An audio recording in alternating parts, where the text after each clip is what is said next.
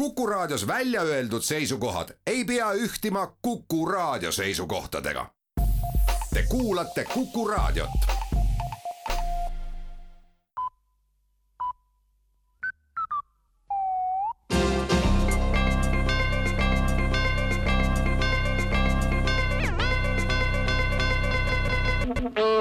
tere kuulama uudiseid stuudios Rohke Debelak. Eesti Turusolkijate Liit annab teada, et liidu liikmete arv kasvab üha ja eilse seisuga koondab liit üheksakümmend seitse protsenti töötleva tööstuse ettevõtetest. alanud aastal jätkatakse senise aktiivse turu solkimisega, sest suuremal osal ettevõtetest nii kodu- kui välisturgudel konkurents sisuliselt puudub lähiriikide valitsused on asunud oma tööstussektorit nii aktiivselt toetama, et neist Eesti ettevõtetel enam konkurenti ei ole. keegi neist ei ole suuteline suure kahjumiga aina kodumaa hüvanguks edasi töötama, samas kui Eesti ettevõtetele on see käkitegu.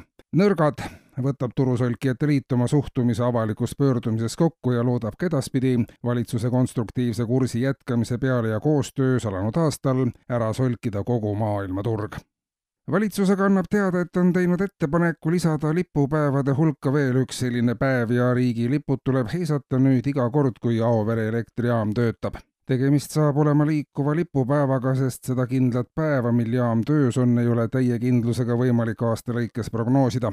lipuseaduse muudatuse kohaselt tuleb riigilipp asutustel ja ettevõtetel heisata kohe, kui Auvere jaam tööle hakkab ja langetada siis, kui töö katkeb eraisikud peaksid lipu heiskama siis, kui jaam on töös olnud kolm ööpäeva järjest. täiendavat suuremat lipu heiskamise koormust ette näha siiski ei ole ja tarvidus selleks võib ette tulla kolm-neli korda aasta jooksul.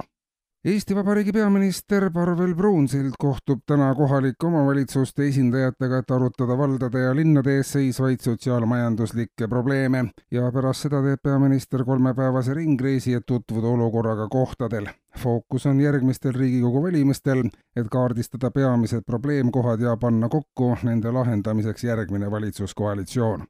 Ja ka pealinna teateid. aktsiaselts Tallinna Linnatransport annab teada, et täna alates kella kümnest hommikul ei ole ühistransport pealinnas enam tasuta, vaid üks sõit maksab ühe euro muudatus kehtib seni, kuni on kokku kogutud sada kuuskümmend tuhat eurot ja see ettevõtte eksjuhtidele Deniss Boroditšile ja Otto Poppelile ka ära makstud. reisijatel palutakse kaasa võtta paras raha ja panna see bussi või trammi sisenedes validaatori alla riputatud kilekotti. Võib annetada ka rohkem ja nii kaasa aidata tasuta ühistranspordi kiiremale taastumisele linnas. kui summa koguneb ruttu, on plaanis natuke ka üle koguda, sest ettevõttel on ka praegu juhid ja ka nemad lahkuvad kunagi ja selle jaoks on täiendavaid finantse mõistlik ette koguda, märgib ettevõtte pressiteade.